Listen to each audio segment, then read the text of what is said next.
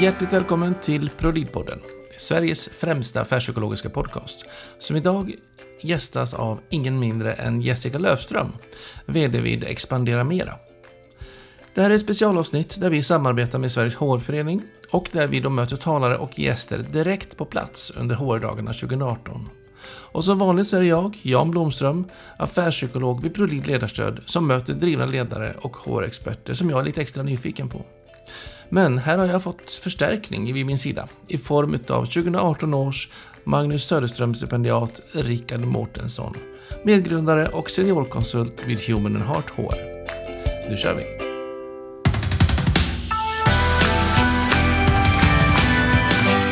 Hjärtligt välkommen till ProLead-podden säger jag då till Jessica Löfström. Tackar så hjärtligt. Och du är VD och grundare också va? Utav Ja. Expandera Mera. Mm. Det är- Jättespännande. Ja, det är Sveriges eh, första och största byggbemanningsbolag. Ja. Och inte haft en så lätt startsträcka har jag förstått. Nej, det mm, var lite knepigt i början. Eh, för när jag startade Expandera Mera så trodde jag att jag eh, var det enda företaget i bygg, eller bemanningsbranschen Ja. som eh, såg byggsektorn som ett affärsområde. Och jag trodde att de andra större bemanningsföretagen inte hade sett det affärsområdet, de hade missat det. Ja, det bara låg vidöppet och väntade på dig. Liksom. Exakt, och jag tänkte att jag är ju otroligt smart om man jämför eh, med de andra. Ja. Och har sett det här och, och var klantigt av dem att missa det. Eh, men vad de visste och hade faktiskt kommit överens om gemensamt eh, tillsammans med LO, det var att de inte skulle gå in i byggsektorn. För man hade precis på 2000-talet skapat ett nytt kollektivavtal som heter bemanningsavtalet, som heter bemanningsföretaget. Ja, avtalet. Precis. Och då så, eh, så sa LO till bemanningsföretagen att snälla vad ni än gör, dra, gå inte in i byggsektorn för vi kan inte få fackföreningen Byggnads att rätta sig i ledet. Men de bad inte dig att låta bli. Nej, för jag, jag var ju liksom så liten så jag var ju inte med i de här äh, samtalen, så jag hade ju ingen aning. Eh, och eh, vi körde igång och det var jättesvårt initialt att få byggföretagen att förstå vad vi var för någonting. För de brukade liksom hyra från andra svartföretag, lite små företag. Men sen så kom vi igång med verksamheten och den växte kraftigt. Och då blev vi varse om varför de andra inte hade gått in i byggsektorn. För då kom Byggnads och knackade på dörren. Ja. Men ni överlevde den turbulenta tiden. Vi överlevde den. Det tog, det var ju kanske tre eller fyra år utan omsättning överhuvudtaget. Så det var liksom väldigt tuff tid. Ja. Ehm, men vi överlevde. Och jag är väldigt envis av mig och enveten. Så att eh, jag brukar jobba mig igenom alla problem och det gjorde jag här också. Ja. Och jag sitter precis nu och tittar på en artikel från DN. Som var från igår va? Eller kan förra veckan? Eh, DN. Ja, ja, det var i söndags ja. Med Just det. rubriken Jessica Löfström leder kriget mot svartrötare inom bygg. Exakt. Och det fortsätter här så tycker jag är spännande. Som 28-åring startade hon byggbranschens första personaluthyrningsföretag. Något som fick facket Byggnads att förklara henne sjuårskrig. Ja, Och som hon vann. ja. Vill du berätta om det här? Ja, alltså jag brukar ju inte säga att vi vann. Eh, vi kom till ett samförstånd, jag och Byggnads, där de insåg att det var bättre att vi fanns än att, eh, för det här var ungefär 2005 när vändningen kom. Eh, och då hade vi ju legat i blockerade av Byggnads under ja, närmare sju år. Eh, vi hade ju, det hade gått bra de första åren men sen så slog de till. Eh, och vårt ärende, huruvida man fick hyra ut personal eller inte på kollektivavtalet då, som var för byggnadsarbetare. För vi hade insett att eh, bemanningsföretagen är inte så vana att jobba med byggnad. Så vi, vi, teckna, vi går istället på det här kollektivavtalet för byggnadsarbetare. Det avtalet låg i Arbetsdomstolen, hade gjort så i många år. Ja. Och det betydde att varje gång ett byggföretag skulle hyra in personal från oss så stoppade Byggnads inhyrningen. Och när eh, Eh, Och då är det en lokal förhandling, som blir central förhandling, sen blir det AD. Och när det var väg upp till AD så sa Byggnads att nu får de hyra in. Men då hade det ju gått kanske fyra till sex månader, då var det inte intressant längre att hyra Nej, in nej. på det projektet. Nej. Så var det så för varje projekt. Så på så sätt så omsatte vi inga pengar. Men efter då, eh, ja, nästan sju år, då, då, fick vi, då fick vi igång verksamheten för då kom den utländska eh, de utländska bolagen in i Sverige. Och de hade, ja, de hade inga kollektivavtal alls. Och de gick på utländska löner och det sa man initialt då att man, att man fick göra så. Sen har man ändrat det där i EU och sagt att man måste ha samma lön som i det landet där man verkar. Och då gäller det att ha fokus på uppdraget? Ja. Hålla i och vara uthållig? Ja, exakt, exakt. Och där kommer min envishet. Ja. De flesta hade ju gett upp för länge sedan. Och jag hade ju inte heller några pengar överhuvudtaget. Och även om jag är från Botkyrka bodde i en liten, liten hyresetta eh, och jobbade extra så var det sånt tufft. För jag hade ju kontoret som jag skulle betala för ändå och så vidare. Ja. Men Allt eh, kostar. allt kostar. Men jag hade en häst som jag hade tävlat upp eh, i klasserna. Så den, den sålde jag 2004 eh, till Mexiko och fick jättebra betalt. Så då kunde jag le leva lite på de pengarna. Och sen där 2005, ett år senare, då började allting vända. Och då blev vi ja, Sveriges snabbast växande företag och fick massor med priser och awards och sånt. Ja, det var vilken jättekul. historia. Ja, så, så att, eh, men vi har inte vunnit någonting utan vi hittade ett samförstånd. Och hur fungerar samarbetet idag då med Byggnads? Idag, och det här är så roligt för att så mycket som de här ombudsmännen hatade mig och jag var verkligen Alltså jag, de hatade mig så mycket. Jag var verkligen djävulens påfund. Och de gav ju order till alla sina ombudsmän. Och det var inte så att ser ni expandera mera, utan ser ni Jessica och Jessicas gubbar på byggena så gå in och blockera bygget. Och det var ju det de gjorde också. Så jag var extremt, extremt hatad av dem. Och när jag var uppe då på Byggnads för förhandlingar så liksom, det gick ju bara ett sus genom rummet och om blickar kunde liksom. döda, Ja. då, då hade jag ju varit död. Så att, eh, men från det till där vi är idag, där vi har vänt alla de här ombudsmännen. Så att de, jag skulle inte säga att de älskar oss idag, men vi har ett jättegott samarbete och vi har verkligen krokat arm för att jobba tillsammans för att få bukt med den kriminella verksamheten som idag finns. Ja, jag kommer till den också. Stoppafusket.se. Ja, Vad är det för någonting?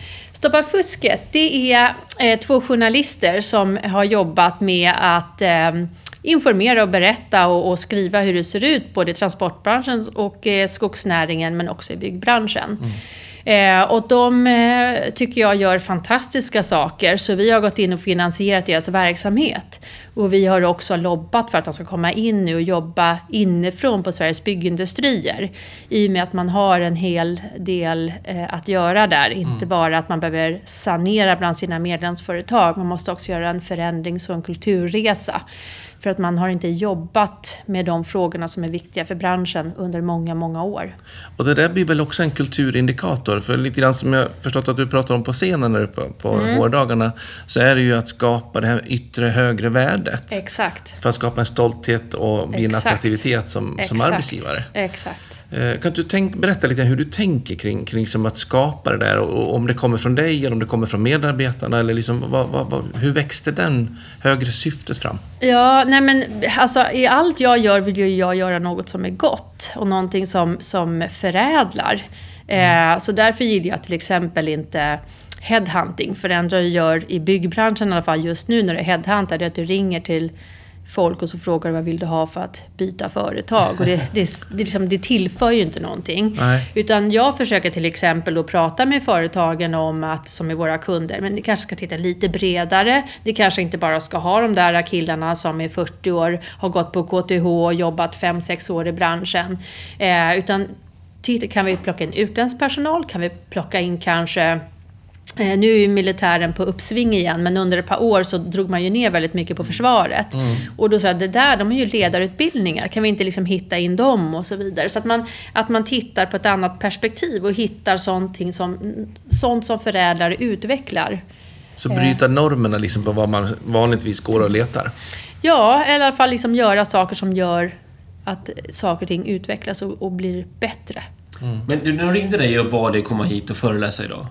Mm. Vad fick du för uppdrag då? Vad sa de? Det här vill vi. Eh, ja, jag är ju precis. Eh, eh, jag skulle prata om hur man eh, jobbar med rekrytering i byggbranschen, typ. Eller Ja. hur vi jobbar med rekrytering i byggbranschen. Och, och vi var ju det första bemanningsföretaget, eller det första byggbemanningsföretaget då. Eller det första, om man tittar bland byggföretagen, var ju inte det här heller någonting att man plockade in arbetskraft från andra länder. Så att vi, när vi eh, levererar personal till våra kunder, då tittar vi först om det finns någon lokalt, uppe i Gävle eller Piteå eller var vi nu har fått vårt uppdrag. Finns det inte lokalt så är det regionalt, nationellt och sen blir det internationellt. Eh, och då får man ju ordna också med boende och så vidare. Alla våra rekryterare pratar minst tre språk.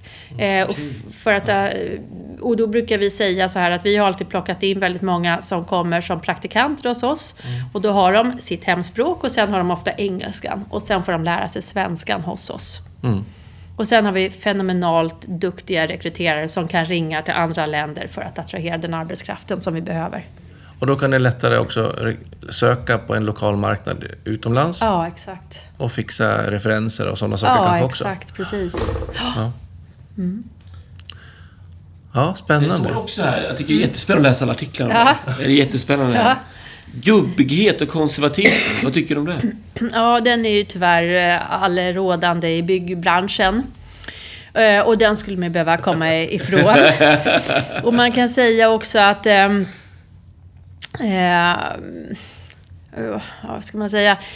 Eh, Jag gör ju ofta sånt som är lite annorlunda och kan bli lite kontroversiell. Eh, vilket jag är just nu. Extremt kontroversiellt och inte så himla omtyckt bland arbetsgivarna den här gången, till skillnad mot förra gången. Ja, vad har du gjort nu då? Ja, men det är att jag, jag faktiskt ifrågasätter de medlemsföretagen som anlitar de här kriminella bolagen och säger liksom, hur, eller så här kan man säga. Om ingen anlitar all den här kriminella, kriminella bolagen som finns här idag i Sverige, då skulle de ju inte finnas. Och någon är det ju som anlitar dem. Och då brukar jag ha samtal med dem som jag vet anlitar dem och, och säga att det kanske är bra om ni skulle hitta en annan väg framåt. Och det är klart att då blir man inte så populär. För jag ifrågasätter. Jag har alltid ifrågasatt. Det gjorde jag ju också med byggnadsombudsmän när jag startade. Men varför gör ni så här? Varför gör ni inte Kan på det ett till och med vara annat så att sätt? du fått något pris för det här, att du ifrågasätter? Ja, just det. Exakt. Vad, vad är det för någonting? Eh, Jag fick 2009 blev jag Sveriges språkigaste kvinna. Ja, det är ju helt fantastiskt. Jag, jag tycker vi ska ta den igen. Sveriges språkigaste kvinna. Ja, Sveriges Och det är språkigaste ju kvinna. också... In, ja, precis. Och det är ju knappt att ifrågasätta, utan det är ju faktiskt att ha fokus på vad, vad är det det egentligen handlar om. Ja. Ja, och Att liksom hitta ett, två vettiga bakom, lösningar liksom. Ja. hela tiden. Och det som är lite spännande med byggbranschen, varför jag har stannat kvar. Eh, jag har ju varit entreprenör tidigare och då så fort som det lilla företaget jag haft har liksom blivit att det fungerar och rullar på, då tappar jag intresset. Men byggbranschen med dess gubbighet, och apropå gubbighet, och eh, oförmåga att förnya sig och förändra sig, är ju en sån utmaning. Så att det är så otroligt kul, för du har alltid någonting att göra och det är så mycket att förändra. Så att det är ju liksom en jätteutmaning hela tiden och det tycker jag är väldigt, väldigt kul.